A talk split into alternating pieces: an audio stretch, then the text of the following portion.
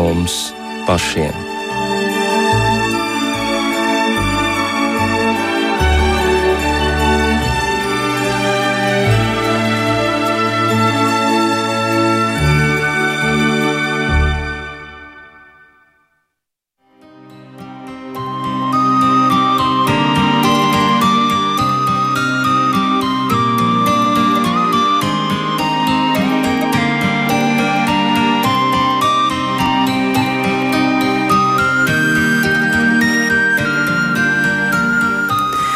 Šī pasaule ir kā tāds neizmērojams un daudzveidīgs, gaišs un tumšs klēpis, kurā norisinās cilvēka radīšana un pilnveidošana caur prieku un caur grūtībām.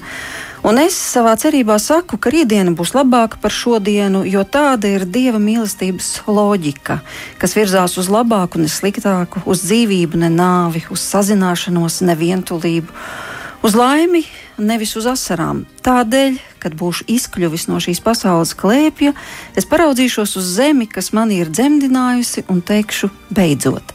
Ceļš līdz galam ir jāveic ikvienam no mums, un tas arī ir tas attālums, kas mūs šķir no īstās piedzimšanas, no tās dienas, kad es izēju no redzamo lietu gultnes, lai ar skaidru apziņu izrunātu vārdus mans tēvs un ieietu viņa namā. Tā saka misionārs Karlo Kareto savā grāmatā Vēstules no tūkstneša. Un šī vakara raidījumā pāri mums pašiem mēs runāsim par dzīvi kā ceļu, kurā veidojas mūsu attiecības ar Dievu, kurā mēs uzdodam bieži vien neatbildamus jautājumus un mēģinām saklausīt atbildes. Runāsim par attiecībām ar Dievu, kāpēc tās dažkārt vienkāršojam vai arī varbūt pārlieku komplicējam secinot, ka varbūt šādas attiecības katram piedzīvot nemaz nav lemts. Pie radio mikrofona šovakar ir Inta Zēgnere, bet mūsu raidījumu viesis ir priesteris Ilmārs Tolstovs. Labvakar! Labvakar! Un pirms šīs tikšanās es tā domāju, kāda tad ir priestera dzīve un kāda ir šī pieredze, jo jūs taču pieredzat pilnu spektru bieži vien pat vienā dienā kristības, kāzas, bēres, grēku sūdzes, atgriešanās, dieva klātbūtne liturģijā, milzīgs noslēpums. Jūs to visu redzat, skatāt tādā kopumā. Es domāju, nes ko jūs domājat par mūsu dzīvi šādā amplitūdā.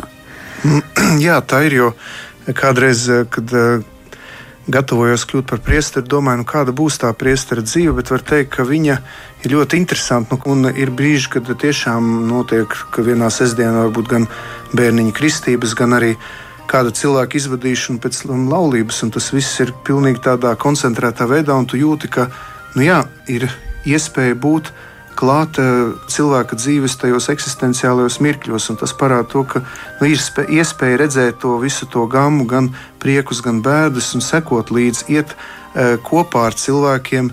Lai palīdzētu viņiem arī tajās grūtajās, nu, gan priecīgais, gan bēdīgajos dzīves brīžos, tajos tādos robežu mirkļos, e, piedzīvot dievu klātbūtni. Nu jā, bet priesteris jau arī ir tikai cilvēks, un es domāju, visu to saliekot kopā, par ko mēs tikko runājām, vai jums pašiem nerodas tāds jautājums, kas tad īsti ir un kāda tad ir tā cilvēka dzīve? Katrs jau mēs izdzīvojam tikai vienu posmu. Vai nu kāds precās, vai nu kādu krista, vai nu pavada. Tas ir viens posms, bet jūs to visu redzat kopumā. Un tad tas jautājums vēl aktuālāks, manuprāt, kļūst. Nu, tas, ko es esmu tagad, sapra, nu, ko es tagad saprotu, jau gandrīz 15 gadus esot eh, priesterībā, ka katram cilvēkam ir sava misija, ka neviens cilvēks šajā pasaulē nenāk tāpat vien. Ka, ja cilvēks ir piedzimis, ja viņš ir ienācis šajā pasaulē, tad Dievs viņam dod savu aicinājumu, savu talantu, savu misiju. Un, Un arī bieži vien piedzīvojot, kad eh, nu, no šīs dzīves aiziet eh, arī jauni cilvēki, ko arī nākas pieredzēt. Dažreiz ir šis sāpīgais jautājums, nu, kāpēc? Kāpēc tik jauns, bet no otras puses var jau būt, ka šis cilvēks savu misiju šīs zemes dzīvē ir izpildījis. To mēs nezinām, to ir ļoti grūti atbildēt. Un, un piederīgiem šādi vārdi arī nav eh, mierinājums, jo viņiem tik un tā paliek sāpes un šis jautājums, kāpēc. Bet tomēr, eh, esot šajā, var teikt, daudzu notikumu virpulī un, un eh, esot klāt cilvēkiem dažādos dzīves brīžos, tomēr nākas secināt, ka tās lietas notiek ar dievu vadību un ka ir klātesošs dieva plāns šo cilvēku dzīvēm. Jo, jo vairāk es ar to esmu saskāries, jo ir vairāk šī tāda apziņa, iekšā izjūta, un arī to jau arī saka Dievvvārds. Tā kā to es arī to, kas rakstīts Dievvvārdā, ko māca mūsu ticība, to es arī pie, piedzīvoju dzīvē un redzu, jā, ka nav nejaušība, nav nejauša satikšanos, nav nejaušu mirkļu, un īpaši to var piedzīvot arī, kad braucu pie slimnieka, kad iznāk tā, ka viss tā izkārtojas, ka es tur aizbraucu, un tie paši radinieki brīnās, nu kāds tā sanāca, ka priesteris paspēja, aizbrauca, iedeva slimnieku sakramentu un cilvēks aizgāja. Un tu pēc tam tikai brīnīties, ka nu, tas nenotika no manas tādas lietu kārtošanas, bet tur ir pilnīgi sajūtama tāda pārdabiska iejaukšanās, ka es esmu bijis tieši tajā mirklī, tajā brīdī, tur tas viss tā ir sakārtojies, ka tas cilvēks saņems to pēdējos svētos slimnieku sakramentu un tādā veidā aizgājis no šīs pasaules izlīdz ar Dievu. Nu, tas ir tik uzkrītami, tik acīm redzami, ka es jau tur to vairs nevarētu saukt par sagadīšanos. Tur tiešām klātesoša šī tāda Dieva pārdabiska klātbūtne. Jā, bet tu sacīji, ka katrs cilvēks atnāk eh, uz šo pasauli ar savu misiju. Bet tas ir ļoti nopietns jautājums, ja mēs sāksim uzdot sev jautājumu, kāda ir mana misija? Dažkārt, tad, kad cilvēks sāk ticēt dievam, šis jautājums kļūst vēl aktuālāks, jo viņš vēlas saprast, ko tad dievs no manis grib, bet kas man īsti ir jādara, un to atbildi nemaz tik viegli nav iespējams atrast. Un bieži vien nemaz tas netiek atrasts, un šis jautājums netiek atrisināts būtībā. Un, un visu laiku tu sev jautā, vai es tiešām daru to, ko dievs grib, lai es daru, vai arī es pats to esmu izdomājis, bet varbūt man bija jādara kaut kas cits. Un, Tā ir vesela jautājuma virkne. Tad kā atzīt to misiju? Mans vis, mans vissarežģītākais jautājums priekš manis, kas skar arī manu disertāciju, pie kuras strādāju, tas ir tāds jautājums, uz kuru man pašam ir grūti atbildēt. Es skaidri zinu, ka katra cilvēka galvenā misija ir būt kopā ar Dievu. Tātad dzīves laikā atrast savas dzīves jēgu, un es kā kristietis, kā katolis, arī kā priesteris uzskatu, ka vienīgā cilvēka patiesā dzīves jēga ir būt kopā ar Dievu. Gan šeit, šajā dzīvē, un, protams, šo piepildījumu sasniegt mūžīgajā dzīvē. Bet kas tas, man, tas mans jautājums ir? Kad uh, Dievs jau atsūta cilvēku uz šīs pasaules, neatsūta, viņš uh, dzimst, viņš rodas ieņemšanas brīdī ar dvēseli un miesu. Un mans tas vis, nu, vislielākais jautājums, kāpēc, ja tā var teikt, Dievs slēpjas? Jo nu kā, cilvēki visi ir dieva radīti pēc viņa attēla līdzības. Un kāpēc cilvēkam dzīves laikā ir tik milzīgas grūtības satikt dievu? Ja viņš no viņa nāk, ja Dievs ir eh, tas uh, radītājs, kas dod šo cilvēkam šo dzīvības dvašu, elpu, šo nemirstīgo dvēseli, un, protams, arī miesu, kāpēc uh, cilvēkam ir tik grūti uh, atrast viņu, atvērties viņam un šo dzīves jēgu piedzīvot. Tas ir man tas lielais jautājums, jo, kad es eju evanģelizēt, es sastopos ar milzīgu pretestību. Un es vienkārši nevaru saprast, kāpēc cilvēki uzreiz nesaprot tik vienkāršu parastu lietu, kad no Dieva mēs nākam un pie Dieva atgriežamies. Bet varbūt arī tas, ka e, Dievs jau darbojas šo cilvēku dvēselēs, bet man kā priesterim arī tas ir palicis paliek kā noslēpums, jo ne jau visu es varu ieraudzīt ar ārējām iesīgām acīm. Un ne jau visu es varu uh, uztvert ar uh, tiem jutekļiem vai to, to kā redzu. Var jau būt, ka cilvēks uh, pats iet dziļu uh, šo tādu nu, dieva pieredzes ceļu, tikai es to nemanu. Varbūt tas ir apslēpts, varbūt tas ir tādā dziļā procesā, kurš man tā nav, nav sastopams, un vienā brīdī tas uzreiz notiek. Nu, bet eh, šis jautājums, kāpēc Dievu nemaz nav tik vienkārši atrast, eh, šis jautājums ir radis kādu atbildi tev pašam. Tu kaut kā esi apzinājies, kas aiz tā visa slēpjas. Kāpēc tas tā ir? Jo man arī ir šķitis, nu tas taču Dievam būtu tik vienkārši. Nu, iedot tādu pamatīgu, ticīgu cilvēku sirdī. Un, un viss kārtībā. Nu, viņš var visu. Cilvē, cilvēka spējas ir ierobežotas. Tā tad viņam atlikt tikai. nu, man, viens pirms dažām ne, nedēļām vai mēnešiem atnāca tāda pilnīgi jauna atziņa. Es nezinu, kur es viņu saņēmu, es nemāku pateikt. Bet vienā brīdī man, es to esmu dalījies arī draudzē eh, Sprediķī, ka man šķiet, ka Dievs ir tik ļoti delikāts un smalkjūtīgs. Un tā viņa mīlestība izpaužas tieši tajā, ka viņš nevēlas sevi un savu mīlestību uzspiest. Un tāpēc varbūt ne, nevar teikt, ka Dievs slēpjas, bet uh, Mēs runājam tādā, var vienu sarežģītu vārdiņu pateikt, jo ir šī apofātiskā pieredze. Jā, tas nozīmē dieva, eh, dievs kā noslēpums, ka viņš vēlas eh, cilvēku atstāt absolūtā brīvībā. Un līdz ar to Dievs ir tik smalkjūtīgs, ka viņš baidās uzbāzties, jeb uzspiest savu mīlestību. Viņš tā kā ir klātesošs, bet atstāja cilvēku tajā radīša, radības brīvībā, ka viņš sevi tā apslēp, ka cilvēkam ir tāda sajūta, ka it kā dieva nav. Viņš īstenībā ir, bet viņam rodas sajūta, ka viņa nav, jo tā, tā cilvēka dieva. Nu, tā apziņa par dieva nesamību man tā šķiet izriet tieši no tā, ka, ka Dievs tik ļoti respektē to cilvēka brīvību, neticēšanas brīvību. Ka viņš vienkārši gaida un ļoti delikāti e, dod tādus e, mīlestības pilnus impulsus cilvēkam, lai tikai nesanāk tā, ka Dievs sevi uzspiež un piespiež cilvēkam ticēt vai mīlēt viņu. Un man liekas, ka mums, man kā priesterim un arī baznīcai, ir ļoti jāmācās no paša Dieva šis viņa delikātums, šī viņa smalkjūtība, uh, ko viņš izrāda pret cilvēku, nevēlēdamies sevi uzspiest. Viņš visu laiku gaida cilvēku atbildi. Ne par velti mums bieži vien ir jāatjauno savi kristības solījumi. Piemēram, Katoļu baznīcā mēs to darām lieldienu naktī. Jo mums visu laiku ir jāpasaka Dievam, jā, Dievs grib dzirdēt šo jā vārdu, jo Viņš negrib ienākt mūsu sirdī bez mūsu atļaujas. Viņam ir vajadzīga mūsu atļauja, šī mūsu piekrišana. Un tas manī pēdējā laikā tik ļoti fascinē, ka es vienkārši sēžu un par šo lietu visu laiku domāju. Jo es jau to nespēju, jo pēc tam es esmu bieži vien neteiksim, tā vardarbīgs, bet nu, tomēr es mēģinu uzspiest, mēģinu tur pārliecināt. pārliecināt. Dažreiz tas robežojas pat ar demagoģiju, ja tu mēģini tādu mazliet veikt tādu kristietības propagandu, bet nu, tādā labā nozīmē, ka tu vēlies sludināt. Es domāju, kā šajā situācijā rīkotos Jēzus, kā viņš rīkotos. Nu jā, bet uh, vēl jau paiesim soli tālāk. Ir jau dažkārt arī kad cilvēks saka, nu, atklājies man, es gribu tevi sastapt, bet tas nenozīmē, ka tajā vakarā kaut kas notiek. Un tad vēl jau vairāk sāsinās šī sajūta, bet es taču saucu, bet es taču lūdzu, bet es taču domāju, ka viņš palīdzēs, bet nekas nenotika. Tad kāpēc lai es ticu? Man vienmēr nāk prātā izcilā filozofa Friedricha Nīčes vārdi. Dievs ir miris, bet jūs viņu esat nogalinājuši. Un vēl viena lieta, ar ko es ļoti domāju par to, ka bieži vien mēs gaidām uh, dieva sarunu uz mums.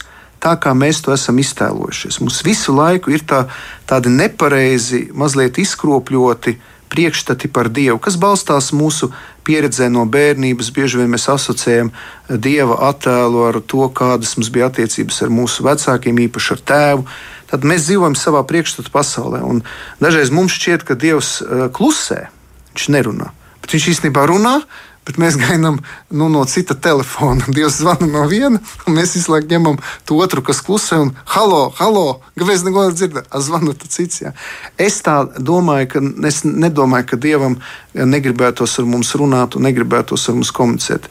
Es saku, viens ir šis aspekts, ka viņš gaida mūsu piekrišanu, tāpēc ļoti svarīgi ir lūkšanā atstāt laiku klusumā, klusumu, būt klusumā, lai, lai sadzirdētu, lai sāktu veidoties šis kontakts, varbūt pārstāt dažreiz mazliet runāt un pļāpāt un tikai dievam, kas saka, kā papagailis visu laiku atkārtot vienu to pašu. Bet eh, te ir arī svarīgs šis moments, jā, kad mums, eh, mums ir jā jāuztver tas, eh, tas tā kā FM frekvencēs. Radio arī raida noteiktās frekvencēs, un mēs sēžam mašīnā, gribam uztvert Latvijas radio viens un uh, 90,7 laikam. Ja? Mhm. -huh. ja kamēr tu uzgriez, ja? un tu kamēr neesi uzgriezis, ja tu neko tur sprakšķi, krakšķi, citas stācijas, ja kamēr tu uztver uz to īsto, ja Latvijas radio viens. Un tad tas arī līdzīgi arī tā, ka attiecībās ar Dievu kad var gadīties. Ir arī, protams, citi iemesli, kāpēc, kāpēc Dievs klusē vai nerunā. Tas, tas nenozīmē, ka tas ir vienīgais, bet viens no iemesliem var būt tā, ka mēs neesam vēl to īsto frekvenci uzgriezuši. Nu jā, bet galu galā nu, kā lai mēs šīs attiecības veidojam. Mēs neapšaubāmi ietveram savu attiecību pieredzi, kas balstās uz mūsu attiecībām ar cilvēkiem. Un tā tad līdzīgi kā mēs sacītu cilvēkam, tas nozīmē, mēs varam atļauties sacīt arī dievam. Tu taču redzi, kā man sāp, vai arī tu taču zini, cik man tas un tas vēl ir nepieciešams, vai arī kāpēc tu neatbildi un tā tālāk. Tas ir mūsu mod attiecību modelis, ko mēs pazīstam, vai ir iespējams arī kāds cits attiecību modelis? Es domāju, ka Dievs jebkurā gadījumā dzird katru mūsu lūgšanu. Un nav pareizi vai nepareizi lūgšana. Tik līdz kā tik mēs gribam sākt komunicēt ar Dievu, Dievs momentāli mūs dzird. Vienalga, kāda tā būtu lūkšana. Šļupsti bērna, nezinu, klaigāšana, virpuļošana, rāpuļošana, vienalga. Smuka, skaista liturģija, katoļu pareizsīgo baznīcu. Viņš visu, viņš, viņš visu dzird, visu redz un visu uztver.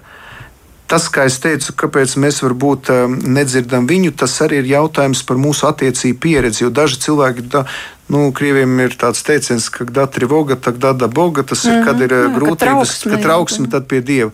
Daži tā, ka viņi domā, ka nu, es jau tagad aiziešu tikai Ziemassvētkos Lieldienas baznīcu, un tad kaut kādā grūtī brīdī es uz viņu saukšu. Bet, ja nav izveidojusies jau regulāra personiska saikne ar viņu, ja nav e, veidot šis dialogs, kas nav viegls, jo jāatcerās, mēs esam radības, bet mēs gribam runāt ar radītāju. Starp mums un Dievu ir milzīga distance, ja pat varētu teikt, bezgalīga distance. Un tāpēc teikt, ka mēs tagad ar Dievu varēsim runāt kā ar kādu čomu vai draugu, tas ir drusku pārspīlēt un nepareizi. Jo jāsaprot, ka šie sarunu partneri ir ļoti nevienlīdzīgi. Kas esam mēs? Kosmiskie mazie puteklīši un Dievs, kas ir eh, visuma radītājs un, un eh, visu redzamu un neredzamu lietu radītājs un visuma centrs. Tā kā es domāju, ka kad lūkšana jebkurā gadījumā notiek tad, kad kad Dievs um, mums to ļauj un kad no, notiek arī šī uh, atgriezniskā saikne no viņa. Viņš mūs dzird, bet lai mēs viņu dzirdētu, ja, tur ir vajadzīgs uh, šīs manas un Dieva attiecību pieredze un process. Un tas nav viegls. Un es varu pateikt jau viennozīmīgi, ka lūkšana, jeb saruna ar Dievu nav viegla, nav viegls process. Tas nenozīmē, ka Dievs būtu nepieejams un ka mēs ar viņu nevaram runāt. Mēs varam runāt, mēs varam lūgt, Dievs visu dzird. Bet, lai sadzirdētu no viņa atbildi, lai sadzirdētu no viņa atbildi, lai saprastu, ka tā ir Dieva atbilde, ja? mm -hmm. lai varētu, tā varētu teikt, atšifrēt šo atbildi, ja? E, ir vajadzīgas e, attiecību pieredze. Un, eh, kā es vēlreiz saku, Dievs eh, grib uz mums runāt, Dievs eh, grib ar mums komunicēt, bet Viņš ļoti respektē mūsu brīvību un vēlas sagaidīt no mums tādu pilnīgu piekrišanu un grib arī sardzēt mūsu dvēseles tādu dispozīciju, stāvokli, ka mēs būtu gatavi savā, nu, es varētu teikt, mazajā dvēselē pieņemt šo nu, milzīgo, varano, visvarano Dievu. Bet mēs tikko jau sākām runāt par to, ka, kā piedzīvot to, ka mēs nerunājam monologā. Jo tu sacīji, labi, Dievs ir delikāts, neuzbāzīgs un tā tālāk, bet ir nācies dzirdēt tieši šo aspektu, ka labi, labi mēs jau varam skaitīt tās lūkšanas, ņemt no lūkšanas grāmatas vai vienkārši saviem vārdiem kaut ko teikt un teikt un teikt. Un tad tomēr radās sajūta, ka tu runā pats ar sevi jo nav šīs pārdabiskās pieredzes. Bet, ja kaut viena kripatiņa šīs pārdabiskās pieredzes būtu, piemēram, cilvēks pie, pieredzētu tajā brīdī ļoti lielu nesaprotamu mīlestību, vai tādu mieru, kādu nekad nav, nav piedzīvojis, vai kaut kādu zīmi, ko savukārt no Dievs no savas puses dotu, viss tā lūkšana aizietu daudz lielākā intensitātē. Jo pretējā gadījumā šķiet, ka labi, bet tu jau pats vienkārši kaut ko esi izdomājis savā galvā, nu, un tu tur kaut ko dievam saki. Vienu dienu saki, varbūt citreiz vēl kaut ko pasaki, bet nekas jau nenotiek. Nav tā garīgā ceļa. Nu, vispār eh, attiecības ar Dievu katram cilvēkam ir unikālas. Pat ja īpaši katoliskās baznīcas tradīcijā mums ir dažādas lūkšanas skolas, kas īpaši ir izkoptas caur eh, dažādiem ordeņiem, Eh, karmelītu, no jezuītu un tā tālāk. Ir dažādas lūkšanas, meditācijas, arī kontemplācija un ir lekcija divina. Bet jāsaka, ka katram cilvēkam attiecības ar Dievu ir unikāls un nav vienādu attiecību. Līdz ar to tas, kā cilvēks veido šo sarunu, lūkšanā ar Dievu, tas ir viņa personiskais ceļš. Bet ko es gribu pateikt, ka vienmēr jāatcerās, ka Dievs ir lūkšanas iniciators un autors Kā svētajos rakstos teikts, ka svētais gars lūdzas mums ar šīm bezvārdu nopūtām. Ka pirms mēs vēl sākam lūgties, svētais gars jau darbojas mūsos, ir šī atgriezniskā saite kad eh, no vienas puses, kā jau teicu, ir šī dieva delikātums un tāda viņa mūsu brīvības respekts, bet tiklīdz kā dievs uh, saņem akceptu no mums, ka mēs gribam ar viņu satikties, viņš jau sāk mūsos darboties. Un tas, ko mēs izjūtam lūkšanā, vai neizjūtam, vai mēs kaut ko dzirdam vai nedzirdam, tas ir ļoti. Uh, nu, tas, tās izjūtas nevienmēr var būt atbilstošas. Tāpēc, ja cilvēks, piemēram, grib eh, patiešām dziļi iet eh, tādās attiecībās ar Dievu, ir vajadzīgs eh, sekot kādai lūkšanas skolai, un obligāti ir vajadzīgs ir kāds lūkšanas vadītājs, jo ir jāmācās lūgties. Un pirmā lieta, ja kāds vispār grib sākt šo ceļu, pirmā lieta ir vajadzīgs iemācīties klausīties, jo lūkšana nevar būt bez klausīšanās. Ja ir šis monologs, es tikai līdzīgi kā ķēniņš eh, mērnieku laikos, tikai tram, taram, tam, taram, to man vajag, to tur nevajag, tad eh, šī lūkšana paliek neauglīga. Ja viņa paliek tāda, ja tā var teikt, mums, mums šķiet, ka neatbildēta. Kaut Dievs uz visām lūkšanām atbild. Agrāk vai vēlāk, vai tūlīt pat, vai pēc mēneša, gada, 5, 10, 20 vai 50 gadiem. Dievs atbild uz visām lūkšanām. Tikai kad viņš atbild, tā ir dieva lieta. Un kādā veidā, tā ir dieva lieta. Un dažreiz Dievs atbild, bet mēs jau nemaz nezinām, ka viņš atbild. Mēs sakām, Dievs neatbild. Dievs nerunā. Dievs runā, Dievs atbild, bet mēs jau nedzirdam. Tāpēc pirmā lieta, kā e, ebrejiem ir šī slavenā lūkšana, šmā, šemā Izraēla, klausies Izraēla. Eh, kā Elis teica mazajam Samuēlam, kad viņš dzirdēja šo saucienu Samuēl, Samuēl. Elis saka, eh, atbildi runā, kungs, tavs kalps klausās. Ja? Šī klausīšanās stāja. Un vēl kas ir grib pateikt, ka mūsu laikmetā cilvēki ļoti eh, uztraucās par laiku. Vienmēr nav laika. Ja gribam lūgties, ir jāupurē laiks. Un tas laiks, ko veltam klusumam, sarunai ar Dievu katru dienu, viņš nav zemē nomests. Bet, nu, ja cilvēkam šķiet, ka tas ir eh, nevērtīgi, eh, sēdēt eh, nezinu, stundu klusumā un klausīties, nu, tad viņam šķiet, nē, nu, tas nav priekš manis. Es labāk skriešu, visādas ģēlas kruķīšu, ja kā tautā saka, ja? nu, kur tad tur vēl laiks? Bet tā, tā ir izvēle. Un to nevar tā vienkārši. Tam, tas ir jāmācās. Tāpēc es domāju, arī mūsu īpaši katoļu draugiem ir jāpārstāj būt par tādām vietām, kur tikai notiek kaut kāda tikai nu, tāda aktivitāšu, bet svarīgi, lai mēs nepazaudējam. Mums jau ir šis lūkšanu gars, un ir ļoti daudzas draudzes, arī es varu teikt par salaspils katoļu draugus, ka mums ir e, arī grupa cilvēku, kas nāk katru dienu un lūdzās, un ļoti agri atnāk pirms mises un arī pēc mises paliek. Un var just, ka jā, šie cilvēki ir gados vecāki, bet es redzu, ka viņi neskrien pēc dievkalpojuma fiks ieslēgt televizoru un skatīties skatīties kārtējo seriālu. Mīlis viesuli. Jā, bet viņi paliek uh, baznīcā, un tā, tā ir mm. laba zīme. Ja, ja, ja mēs redzam, ka cilvēks paliek baznīcā un klusumā lūdzu, tā ir laba zīme. Bet tā, tas nenotiek uzreiz. Tas, tā ir milzīga izvēle. Cik daudz laika es atvēlēšu sarunai ar Dievu? Nu, varbūt iemācīt mums dažus principus. Redz, izrādās, ka lūkšana tā ir vesela māksla. Nu, Tātad, ja no rīta mēs pieceļamies un sakām, labrīt, tram, tram, tam, dod man palīdzību šai dienai, es, es ielieku šo dienu tavā, tavās rokās, paldies, es skrienu. Tas jau ir ļoti daudz. Pat ja cilvēks dienā apzīmē sevi vienreiz ar krusta zīmi, tas ļoti daudz. Es negribu tagad mazvērtēt īsās, varbūt šautru vai skrejošās lūkšanas. Nekādā ziņā katra lūkšana ir vērtīga. Un pat ja cilvēks trolēļbusā, tramvajā, autobusā vai mašīnā kaut ko skaita, lūdzas, rožu kronis, viss ļoti labi. Tas viss ļoti vērtīgi. Bet ir brīži, kad cilvēks uh, tikai paliekot pie šī līmeņa, piedzīvo krīzi. Un viņš saka, es vairs nevaru, tā ir rutīna, man tas ir apnicis. Es, es neko nedzirdu, es neko nedzirdu man, eh, man tas neko nedod. Jā ir, eh, ir ļoti daudzi atmet šo lūkšanu. Bērnībā iemācītās e, potereņu for, formuliņas. Ja. Ļoti daudzi pēc pirmās komunijas vēl drusciņi, drusciņi e, ejot kopā ar vecākiem, vēl paturpina un pēc tam atmet. Ja jo viņus tas neapmierina. Un tad nāk dažādas garīgās skolas, kas piedāvā retrītus, rekolekcijas, garīgos vingrinājumus, tātad meditācijas pieredzes, kontemplācijas pieredzes, jā, šīs lekciju divīna pieredzes, un tad cilvēki, wow!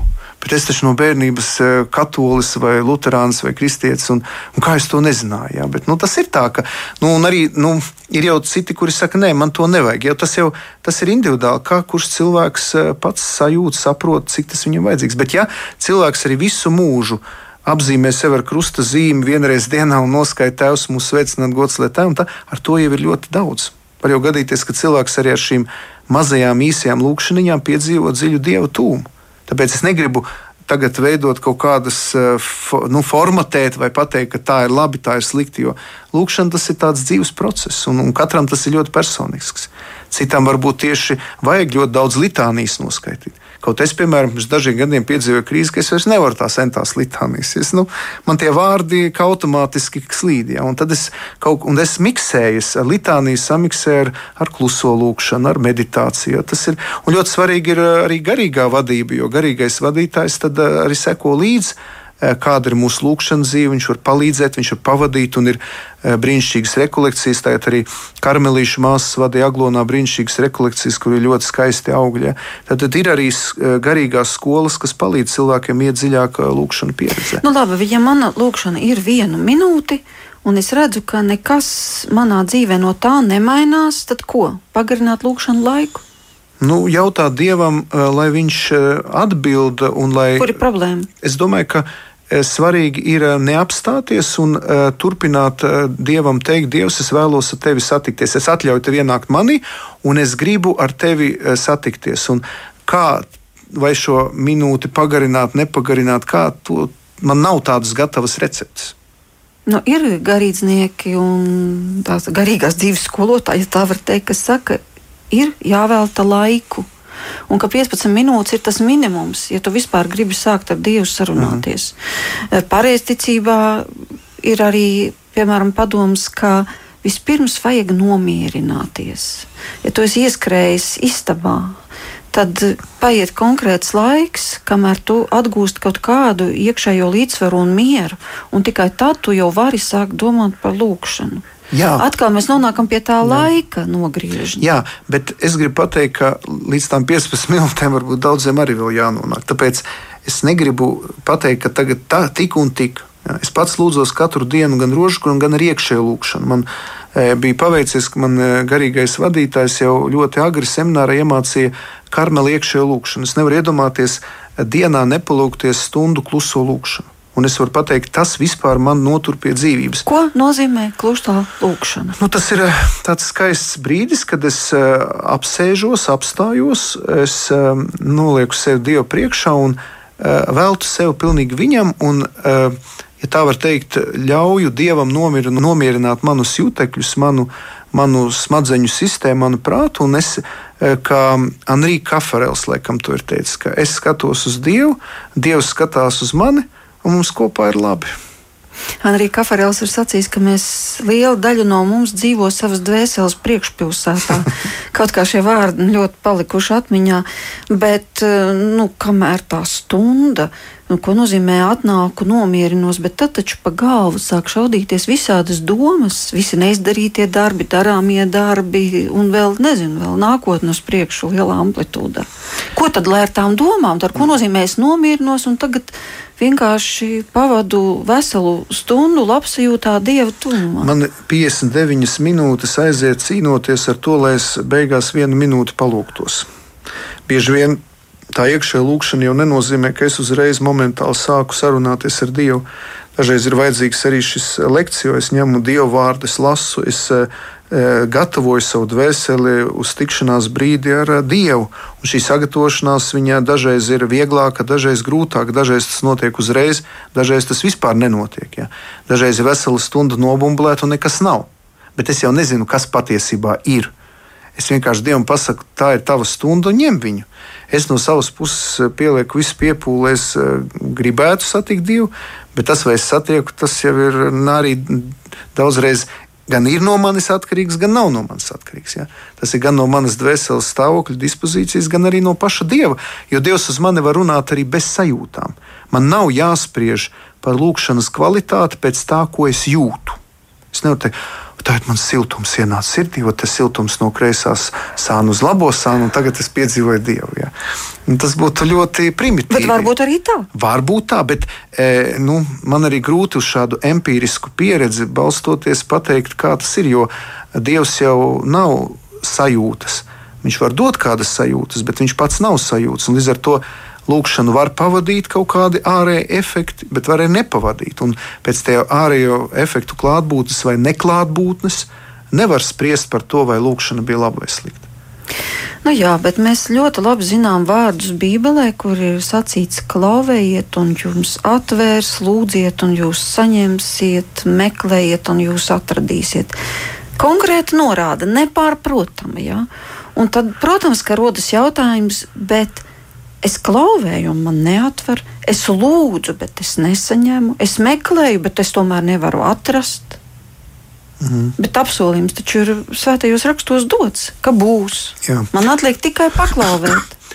Arī viena tēma, ko es risinu savā disertācijā par eh, Es, bet es nelietošu daudz svešvārdus par žēlstības un dabas eh, šķirst, šķirtību un, eh, varētu teikt, pat vienotību. Mēs dažreiz gribam no Dieva izlūk kādas lietas, kuras Dievs ir uzticējis mūsu dabiskajiem spēkiem. Piemēram. Tas, piemēram, mēs Dievam lūdzam jaunu mašīnu, bet Viņš mums vēlas, lai mēs varbūt pamainītu darbu vai, vai sakrātu vairāk naudu, iz, neiz, neizlietot to naudu kādām citām lietām, tādā veidā to mašīnu paši nopirkt. Ja. Dievs vēlas iesaistīt mūsu dabiskās spējas, gan mūsu pašu uh, uzdevumu veikšanai, mūsu aicinājumu realizācijai, gan arī viņa gribas pildīšanai. Līdz ar to ir ļoti jāuzmanās, ka mēs gaidi, domājam, ka Dievs mums no debesīm kaut ko metīs klēpī, nu tā pārdabiski. Tas pats jautājums par dziedināšanu. Cilvēki lūdz pēc dziedināšanas, bet Dievs ir devis uh, gudrību un ir atklājis daudzus zinātniskus atklājumus ārstiem, un viņš dziedināšanu veic arī caur medicīnu. Līdz ar to mēs nedrīkstam uh, lūdzot kaut kādu dievu, ignorēt dabu. Un bieži vien ir jābūt ļoti uzmanīgiem, ka tad, kad mēs lūdzam, lai Dievs iejaucās pārdabiski, bet Viņš jau mūs aicina šo lietu atrisināt dabiski. Tā bija anekdote par to, ka cilvēks slīkst un lūdz pēc Dieva palīdzības, un tad piebrauc laiva, un cilvēks saka, nu, es, nu, viņi saka, nu, kā plēvi, viņš saka, nē, nē, man Dievs palīdzēs. Ja? Un tad viņš beigās noslīkst, un Dievam prasa, kāpēc tu man nepalīdzēji, viņš saka, es tev sūtīju laivu, es tev sūtīju to, tu, tu to neizmantoji. Ja? Cilvēks neredzēja, ka dieva palīdzība un atbilde nāk caur laicīgiem cilvēkam un laicīgām lietām. Bet tā var būt arī pārdabiska. Nu, tā ir jo pārdabiska. Notiek, jo notiek arī pārdabiskas dziedināšanas, un droši vien tu pats arī esi to piedzīvojis, un cilvēki par to ir liecinājuši. Tādu cilvēku ir daudz. Bet, jā. Dievs, bet jāsaprot, ka pārdabiskais ir klātesošs arī dabā. Ne par velti arī pats Dievs pieņēma, iemiesot, tātad vārds iemiesojās un pieņēma cilvēku miesu. Jēzus Kristus, patiesa Dievs un patiesa cilvēks.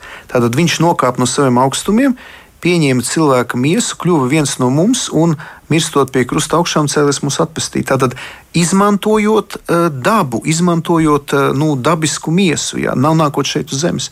Un bieži vien mēs ļoti gribam atdalīt šo dieva žēlstību, pārdabisko dievu iejaukšanos klātbūtni no dabiskā. Un manas arī disertācijas ir mēģinājums parādīt, ka nevienmēr tas tā ir, ka dieva žēlastība mēdz darboties arī caur dabiskiem līdzekļiem. Tikai mums to jāspēj saskatīt. Un, un, un, ne, un neprasīt dievam tur, kur vajag iejaukties pārdabiski, tur, kur viņš var dabiski palīdz. Tā, tā ir tāda garīga spēja to saskatīt. Jā, garīga spēja saskatīt. Nu, tā arī ir droši vien jāiegūst kaut kādā veidā. Arī caur attiecībām ar Dievu. Gan e, ejot regulāri pie sakramentiem, grēksūdzes komunija, katru svētdienu esot baznīcā, esot draudz, kopā draudzes dzīvē, klausoties garīdznieku sprediķus, tātad dzīvojot aktīvi sakramentālu garīgo dzīvi. Tas un, pamazām sāk atklāties. Jā, nu, tāpēc, ka tu sāc redzēt, tev Dievs atver acis. Ja tā kamēr netikmēr kā aizīts miglā, staigā kaut kur meklē, un, bet tas tā ir, jo nekas nenotiek uzreiz. Bet tomēr ir zināmi gadījumi vēsturē, un tādu ir ļoti daudz, vai sacīsim, pietiekoši daudz, kad Dievs iejaucas pārdabiskā veidā. Nu, skaidrs, pilna Bībele ir ar -hmm. to, kā Dievs ir runājis uz praviešiem. Un tā bija pārdabiska runa, tāpat kā, mm kā apustuli Pāvilu no Saula. Uh, tur ejot pa Damaskas ceļu, vienkārši mm -hmm. viņš piedzīvoja ko tādu, ko nemūžam vairāk neaizmirs - pārdabiski mm -hmm. iejaukšanās. Bet nevajag arī pat tik tālā pagātnē. Nu, kaut vai, piemēram, kā tas bija tēvam Pio, kurš mm -hmm. ieguva stigmas nu, ne, jau, ne jau viņš šīs stigmas iedeva, un mm. ne jau viņš piedzīvoja šo pārdabisko dievu klātbūtni, kādu dievs deva tieši mm šim konkrētajam cilvēkam. Vai māte Terēza, viņa brauc mm vilcienā uz Dārdželingu, un pēkšņi viņai parādās Jēzus. Viņa neizgudroja to, un tas, ka viņa to neizgudroja, par to liecina tālākie viņas soļi dzīves, ka viņa aizgāja no klostera, ka viņa sāk rūpēties par tiem, kas mirst Indijā uz -hmm. ielām. Ja? To dievs viņai lika darīt, un viņa paklausīja. Tā tad ir iespējama arī tāda pārdabiska dieva iejaukšanās vai pārdabiskas dieva uzrunas cilvēkam. Vai tad, kad ir ļoti, ļoti izredzēti? Jā, jā, bet redziet, uzreiz mātei Terēzei un tēvam Pio, viņi arī uzreiz māte Terēze piedzīvoja milzīgu sausumu, par ko liecina viņas arī dienas grāmatas, kas nopublicēta, ka viņai bija pat tāda ticības nakts. Un tēvs Pio atkal piedzīvoja no saviem brāļiem un baznīcas milzīgas vajāšanas, nu tādu spiedienu. Bet eh, ko es gribu teikt, ka arī tad, kad Jēzus veids brīnumus un vispār brīnumu baznīcā, viņi, viņiem vienmēr, ja Dievs tos veids, un baznīca arī veids tādu savu veidu brīnumu verifikāciju, jāsaprot to, ka ļaunais gars arī var eh, darīt visādus brīnumus un ar tiem no, cilvēkus aizvest prom no, no Dieva, no baznīcas. Tāpēc, piemēram, attiecībā uz brīnumiem, vienmēr jāskatās, ka Dievs, ja veids kādu pārdabisku iejaukšanos dabiskās pasaules norisēs, viņš to veids vienmēr ar kādu, ja tā var teikt, teoloģisku nodomu, ka tam ir pedagoģisks mērķis, ka viņš ar to vēlas pateikt, ka viņš vēlas kaut kādā veidā atklāt kaut ko no sevis un uzrunāt cilvēkus, ka viņš nav tāpat viens ka brīnumam vienmēr ir kaut kāda, tā kā Jēzus, kad dara brīnumus, brīnumi pavada viņa eh, vārdus, eh, ko viņš sludina, atgriezieties no grēkiem, ticiem, ticiet evaņģēlim. Tad visas Jēzus dziedināšanas brīnumi ir ar īpašu teoloģisku nozīmi, lai atklātu viņa valstību, lai atklātu to, ka Dieva valstība ir tūlīt klāt pienākusi. Un arī vēlāk, kad notiek kādi brīnumi, arī tās pašas diamātas parādīšanās, ne par velti baznīca ļoti piesardzīgi, liela skepsi to izmeklē un pārbauda, lai nekādā ziņā neiekristu tādās nu, pārlieku lielās kaut kādās, varbūt, eh, nu, ka mēs sākam pieņemt kaut kādas, varbūt, varbūt arī tā, ka ir kaut kādas lietas, kuras varbūt zinātniski nav izskaidrotas, un pēc tam tam atrod, atrod zinātnisku izskaidrojumu. Jo jāsaprot, ka pēc, pirms, piemēram, es šodien runāju ar kādu cilvēku no, ar, nu, no Vācijas. Es mežā braucu un runāju. Un ja jau pirms 30 gadiem kāds būtu teicis, ka tu sēdi mežā un runā cilvēku pa telefonu no Vāciju, Vācijā, Mm. Viņš domā, ka tas ir vispār nu, zinātniskā fantastika. Jāsaprot, ka lietas, kuras mēs tagad lietojam, pirms 100, 200, 500 gadiem, ja viņas tādas būtu, viņas būtu brīnums. Tāpēc ir jāsaprot, ka nevienmēr nu, brīnums nav pats par sevi. Viņam ir kaut kāda nozīme, kaut kāda jēga, un baznīca arī to vienmēr mēģina noskaidrot, atklāt. Un arī cilvēkam ir svarīgi, ja viņa dzīvē notiek kāds brīnums, tad tam ir kāda nozīme. Dievs ar to vēlas pagodināties. Viņš vēlas sevi atklāt un, un, un kaut ko pateikt, kaut ko runāt. Jo brīnums arī ir viens no veidiem, kā Dievs runā uz mums.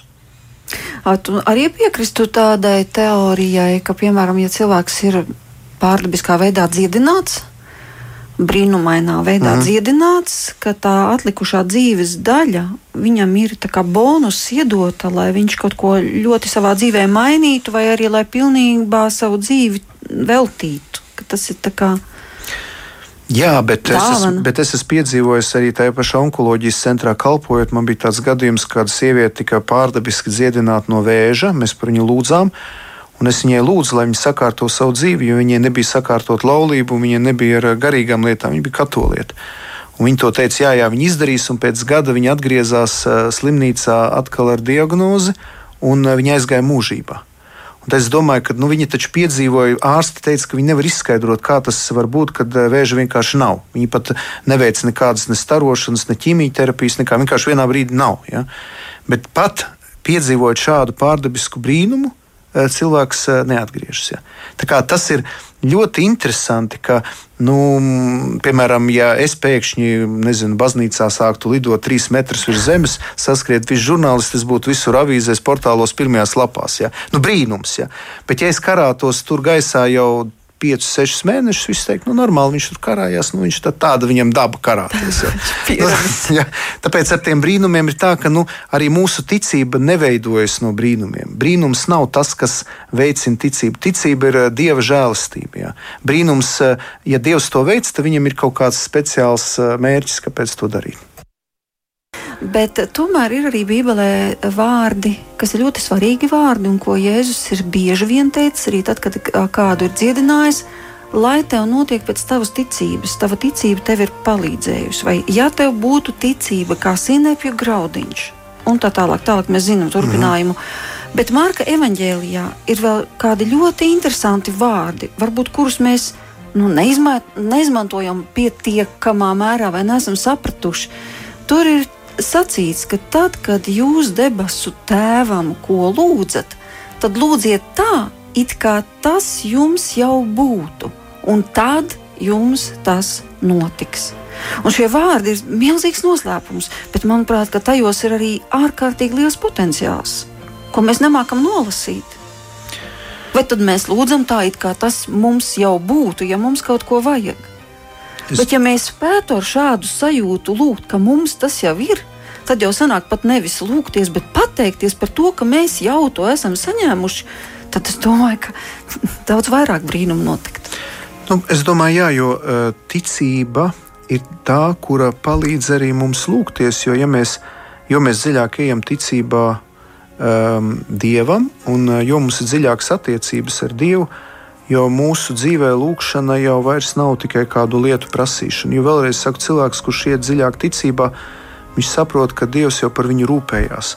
Ja mēs piedzīvojam, ka Dievs ir mūsu mīļotais un gādīgais Tēvs, tad mēs piedzīvojam to, kā Viņš par mums gādā. Mēs arī kaut kādā ziņā kļūstam arī pieticīgāki, jo cilvēks, kurš zina, ka viņa dzīve ir Dieva rokās, viņš jau vairs nekrāš čūņos un nedomā par to, ka viņš šeit uz zemes uzcels pasaku pilis.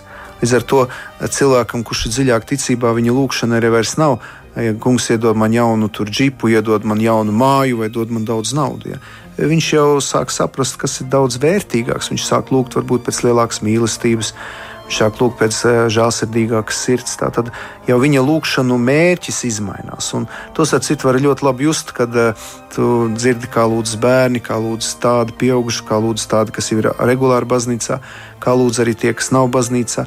Un jau pēc eh, lūkšanas vārdiem, jeb tās nostājas, jau var saprast, eh, kādas ir attiecības cilvēkam ar Dievu. Ja.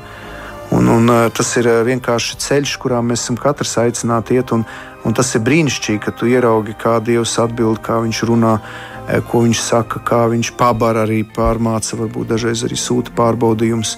Tas ir ļoti interesanti. Nu, tu teici, tās lūkšanas var būt arī ļoti dažādas, un ka pēc žēlsirdīgākas sirds un pēc lielākas mīlestības, tās būtu tās pareizās lūkšanas. Nu, ja Bībelē ir rakstīts, ka Dievs ir mīlestība, tad jau tas būtu tas, pēc kā mums būtu jātiecas būtībā. Ir jau arī kā, ja, ja es visu mantu atdotu nabagiem, un ja es uh, eņģeļu mēlēs lūgtu, tas vēl neko visu nedotu, ja man nebūtu mīlestības. Nu jā, jo mūsu kā kristiešu mērķis ir nodibināt ciešākas attiecības ar Dievu. Mēs gribam redzēt Dievu, ja mēs gribam viņu redzēt, mēs gribam būt viņa tūmā, un mums, lūkšana Tā ir vēlme pēc dieva tuvības, pēc attiecībām ar viņu, pēc dziļāka kontakta ar viņu. Un viss pārējais kļūst atšķirīgs. Un tādā gadījumā cilvēkam lūkšana vairs nav e, saistīta tik daudz ar materiālo pasauli, kur jau viņam ir klātesoša, viņš strādā, viņš rūpējas, viņš redz, ka lietas notiek. Viņš redz, ka Dievs gādā, jā, mūsu dienascho maizi dod mums šodien, mēs taču sakām.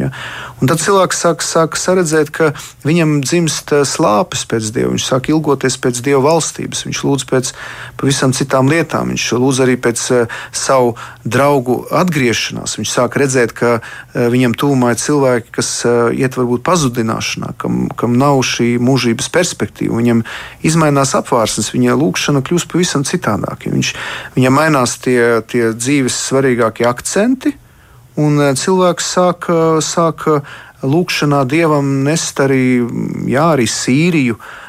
Turciju, viņš sāk redzēt, kad ir Ukraiņas konflikts, viņš sāk lūgt par, par bērniem, kas Āfrikā ir nabadzībā, viņš sāk lūgt par ekoloģiju, par nabaga okeāniem, kas ir piepildīta ar plasmasu. Jā. Viņu tas sāk uztraukt. Jā. Un tas ir interesanti, ka no, no tā, ka viņš sāk, sāk lūgt sev džipu, mašīnu un vēl nezinu ko, viņš pēkšņi sāk lūgt par, nu jā, par, par, par, par tiem slimniekiem, par tiem, kas slimnīcā, kam ir onkoloģija, vēl kaut kā. Jā. Izmainās pilnīgi, pilnīgi cits saturs, un tas viss ir saistīts ar ticību ar attiecībām, ar šo personisko saikni ar Dievu. Citiem vārdiem sakot, viņš sāk vairāk ieraudzīt cilvēkus, kas ir apkārt. Jā. Tā tad mazāk tiesāt, acīm redzot. Un, un, un, un tā lūkšana arī kļūst mazāk koncentrēta no sevis.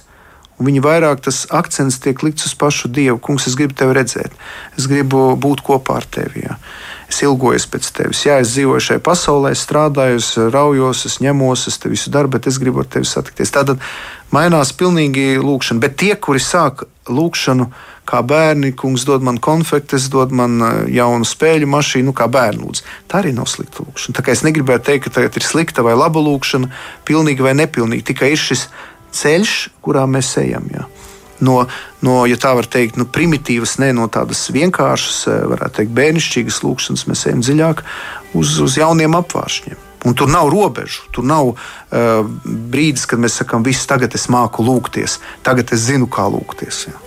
Mēs sākām šo raidījumu ar citātu no Karlo Kareto grāmatas Vēstules no Tuksneša. Un Karlo Kareto bija Šarla de Foucault skolnieks, un Šarls de Foucault um, gāja bojā mocekļa nāvē, tā mēs varam teikt. Spēcīgs lūkšanas cilvēks, un arī drosmīgs un dedzīgs, un daudz no dieva piedzīvojis. 19. gadsimts, laikam, mm. tas bija, kad viņš dzīvoja. Ja? Bet viņam ir kāda īpaša lūkšana, kuru es atļaušos nolasīt. Un varbūt pavisam īsu komentāru pie šīs lūkšanas tu varētu pateikt raidījuma noslēgumā. Un tā lūkšana ir tāda: Mans tēvs, es uzticos tev, dari ar mani, ko vien gribi, lai arī ko tu ar mani darītu, es pateicos tev. Es esmu gatavs uz visu, es pieņemu visu, lai tikai tava griba piepildās manī un visās tavās radībās. Es nevēlos nekā cita, mans dievs, tavās rokās es ielieku savu dvēseli, es tev atdodu, mans dievs, ar visu savas sirds mīlestību, jo es tevi mīlu, un šī mīlestība mani mudina atdot sevi ielikt sevi tavās rokās bez atlikuma un ar bezgalīgu paļāvību, jo tu esi mans tēvs. Tā ir ļoti spēcīga lūkšana, bet varbūt arī diezgan bīstama, jo mēs baidamies uzticēties tik lielā mērā. Vai katrs šo lūkšanu var lasīt, vai katrs tā var teikt? Es šo lūkšanu lasīju garīgajā seminārā katru dienu, un es kļuvu par priesteri. Un es negribētu teikt, ka kļūt par priesteri tas ir kaut kas bailīgi bīstams, tas ir kaut kas ļoti skaists. Un noteikti lūdzieties, un uh, Dievs atbildēs. Tā ir ļoti skaista lūkšana, tā ir sevis atdošana Dieva gribai. Šāds Defuko bija īpašs cilvēks, un arī manā dzīvē viņš ir uh, svarīgs un daudz ko ir darījis.